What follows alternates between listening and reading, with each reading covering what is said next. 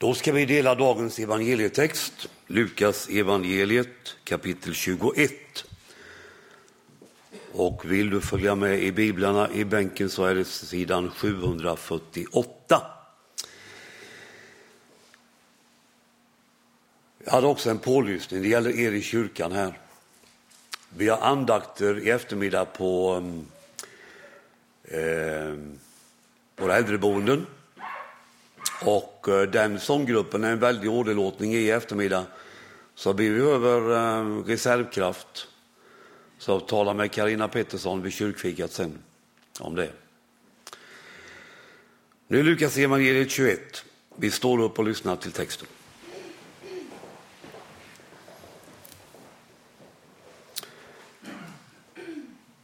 Tecken ska visa sig i solen och månen och stjärnorna.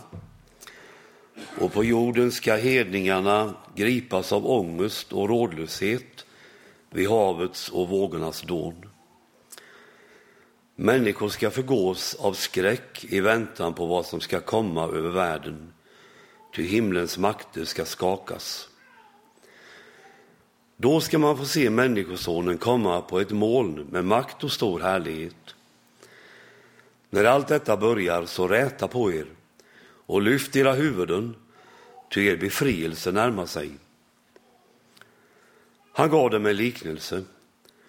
Se på fikonträdet och alla andra träd. När de börjar knoppas, då förstår ni av er själva att nu är sommaren nära. På samma sätt vet ni att när ni ser detta hända, att Guds rike är nära. Sannerligen, detta släkte ska inte förgå förrän allt detta händer. Himmel och jord ska förgå, men mina ord ska aldrig förgå. Var på er vakt, så att inte era sinnen fördunklas av omåttlighet och dryckenskap och livets bekymmer. Annars överraskas ni av den dagen som en snara, för den ska komma över alla som bor på jorden. Håll er vakna hela tiden och be att ni får kraft att undfly det som väntar och kan stå upprätta inför Människosonen. Tack Gud för ditt ord. Tack för ditt levande ord. Och kom med din ande och ja, förklara ordet för oss och låt det landa in i våra liv och låt det sätta oss i rörelse. Det ber vi i Jesu namn. Amen.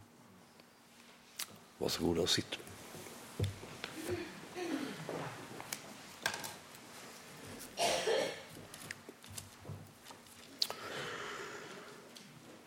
Riket med framtidstro, det är rubriken.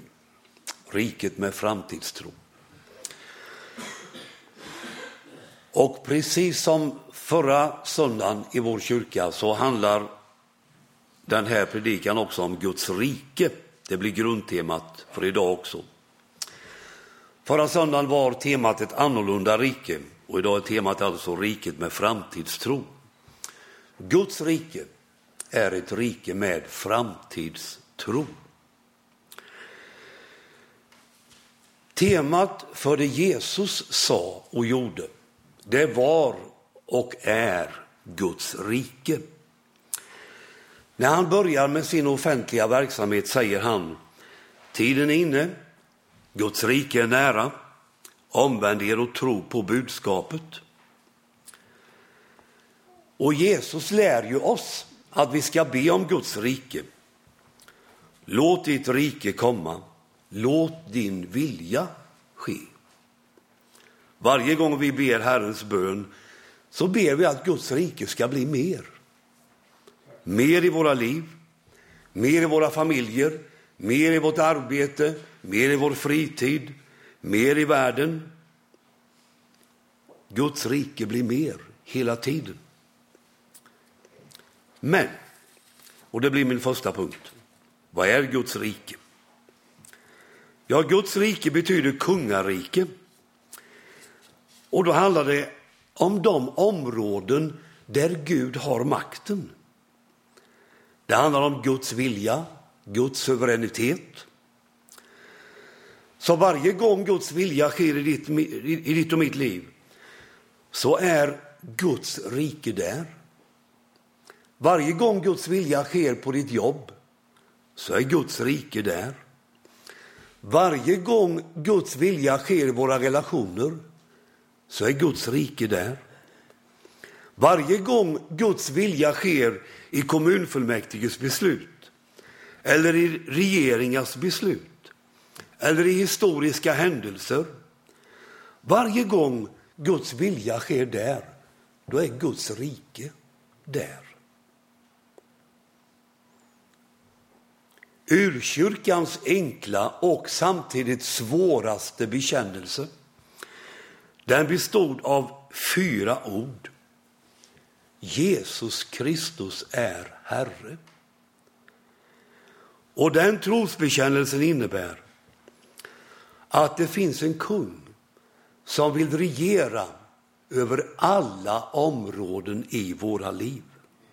Alla områden. Vad är Guds rike? Svar, Guds rike är de områden där Guds vilja får ske. För det andra, redan nu men ännu inte. Hur kommer Guds rike till den här planeten? Jo, det kommer framförallt genom Jesus. Men för att Jesus skulle kunna födas så behövs det någon då som föder fram honom. Maria tar på sig den uppgiften. Där ängel kommer med det här uppdraget till henne. Vi kan säga så här, att när Maria säger ja till det uppdraget, då öppnar hon upp sig och sitt liv för Guds rike. Och så är det också för oss. När vi öppnar oss för Jesus, då öppnar vi oss för Guds rike. Guds rike gör alltså intrång i den här världen speciellt genom att människor öppnar sig för Jesus. Samtidigt vet vi då att Guds rike har inte kommit fullt ut till hundra procent. Guds rike dominerar inte hela tillvaron. Vi lever i något slags dubbelhet där det finns som drar bort från Gud å ena sidan och där Guds rike finns å andra sidan. Och detta lever liksom sida vid sida hela tiden. Och det är väl här som något av vår kamp hela tiden ligger. När vi gör det onda som vi inte vill, som Paulus säger i Romarbrevet. Och i dagens text talas det om att något ska ske i solen, månen och stjärnorna. Det talas om ångest och rådlöshet, tecken på Jesu ankomst. Och också det talar om att tillvaron är dubbel på något sätt. Va? Både det som oroar och det som ger oss fred. det lever sida vid sida på något sätt. Men som sagt, redan nu kan vi se något av Guds rike. Därför att det finns människor som öppnar upp sig för det. Vi kan se riket bryta in i vår tillvaro genom mission, genom diakoni, genom helanden, genom profetior, genom gudstjänster och så vidare. Och även om Guds rike inte finns fullt ut så kan vi smak, få smaka lite av Guds rike här och nu. Prästen Anders Peter Sjödin, när han ska förklara detta med att smaka Guds rike här, så säger han ungefär så här att det är som en flygresa till ett afrikanskt land. Det landet vi ska resa till, det landets mat får vi smaka på flygplanet. Vi är inte framme, men vi får smaka något, känna på något. Guds rike ska komma fullt ut och ta över allt. Men just nu så lever vi redan nu, men ännu inte. Vi får smaka Guds rike, men det kommer mycket, mycket mer. För det tredje, Riket med framtidstro. Jesus talar ju i texten om skräck och att himlens makter ska skakas. Men han talar också om befrielse. Det verkar som att Jesus vill säga att vi inte ska slås ner av svårigheterna. Nej, han ger oss uppmaningen att vi ska räta på oss. Vi ska lyfta våra huvuden, för befrielsen närmar sig. När jag läser om befrielsen som ska komma, då tänker jag på orden i Romarbrevet 8. Orden om skapelsens befrielse. Paulus skriver där att skapelsen ännu ropar som i födslovåndor. Alltså skapelsen upplever smärta, är inne i ett lidande. Men Paulus skriver också att skapelsen ska befrias ur sitt slaveri under förgängelsen och nå den frihet som Guds barn får när det förhärligas. Så befrielsen när Jesus kommer tillbaka är så total så att den drar med sig hela skapelsen.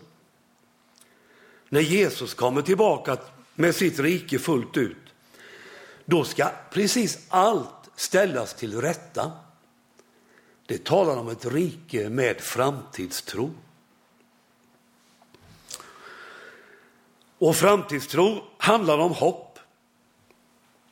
Hoppet om en framtid, både här och för evigheten. Det hoppet, det är oerhört viktigt. Jag skulle vilja säga det är helt avgörande.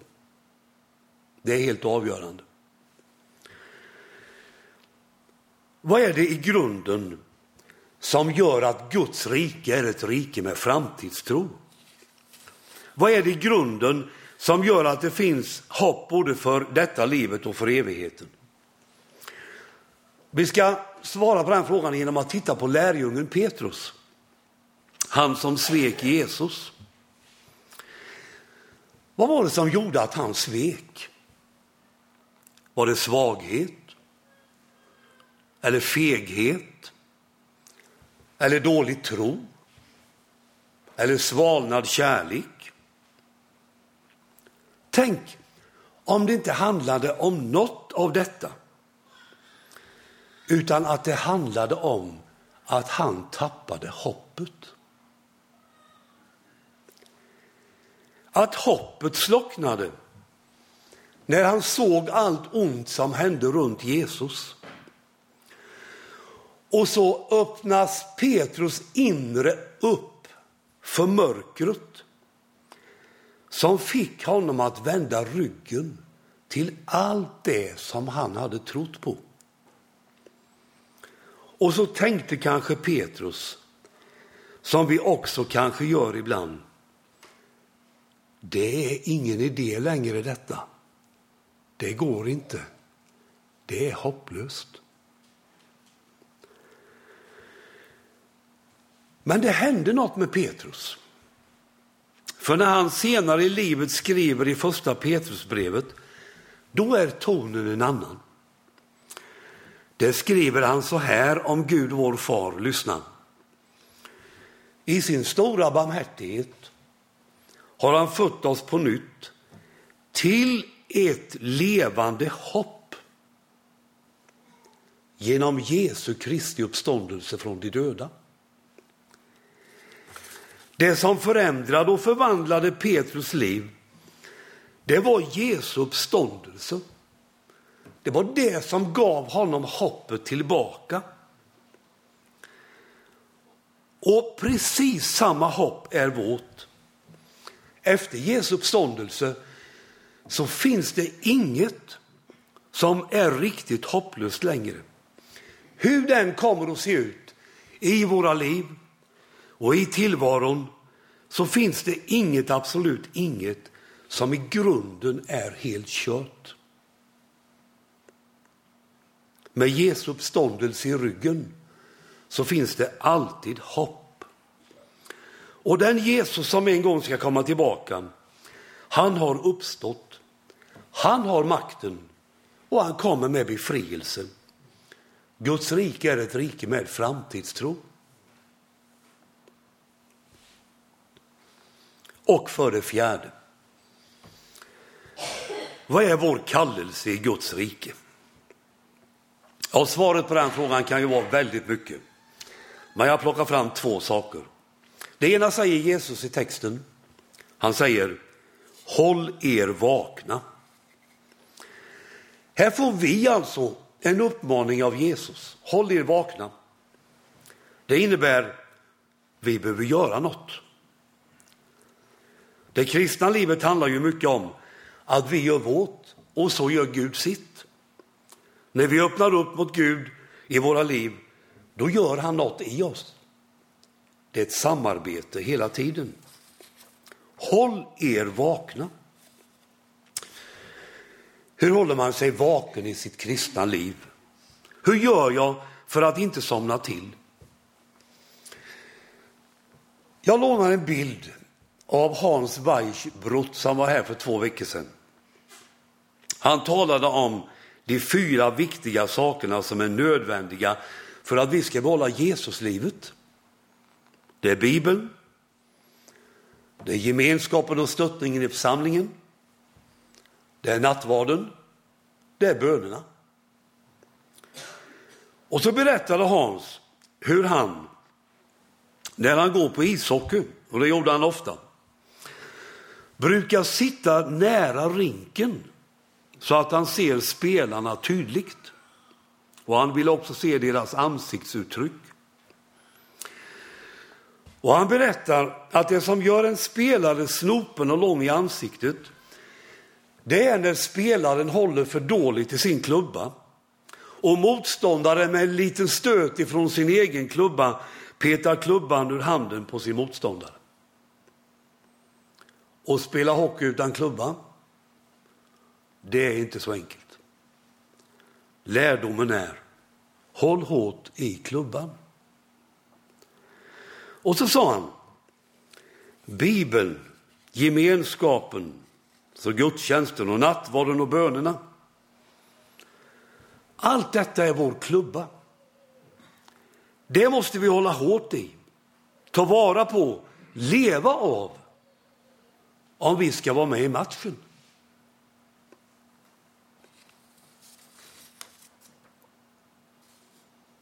Sen att hålla sig vaken, det gäller ju inte endast inför ehm, Herrens ankomst, utan det gäller också inför detta att möta Herren nu. Eller om jag säger varje dag.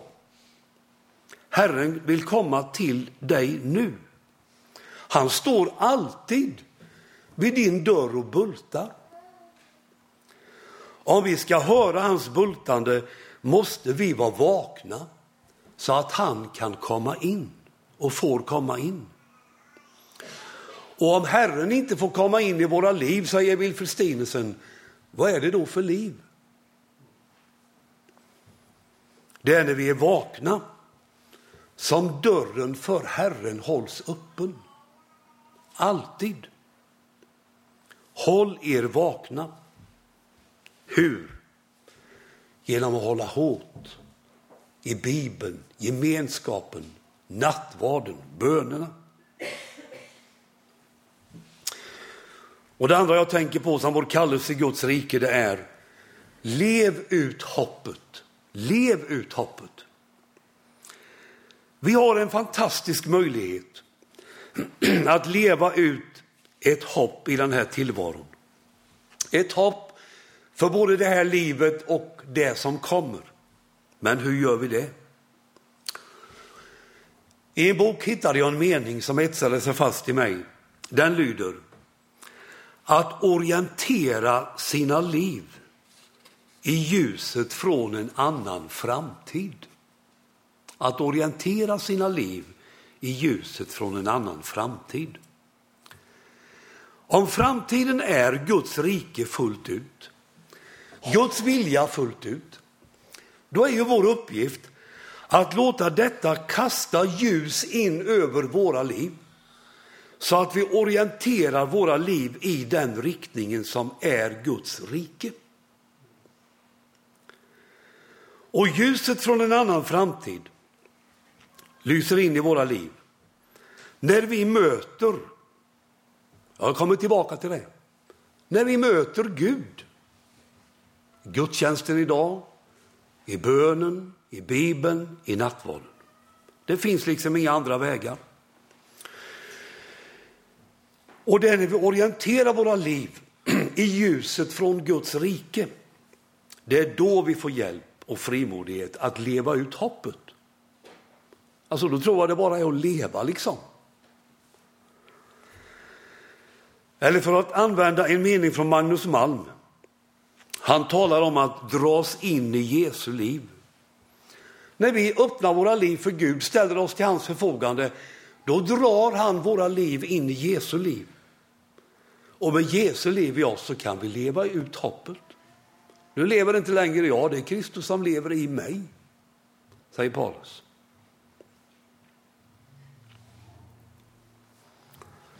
Till sist, Guds rike är ett rike med framtidstro. Ett rike med hopp, därför att Jesus lever. Han har uppstått från de döda och det är det helt avgörande. Och på den grunden går det att leva med hopp och mening i det här livet. Och på den grunden finns det hopp för evigheten. Och det hoppet är levande och därför kommer det hoppet att hålla.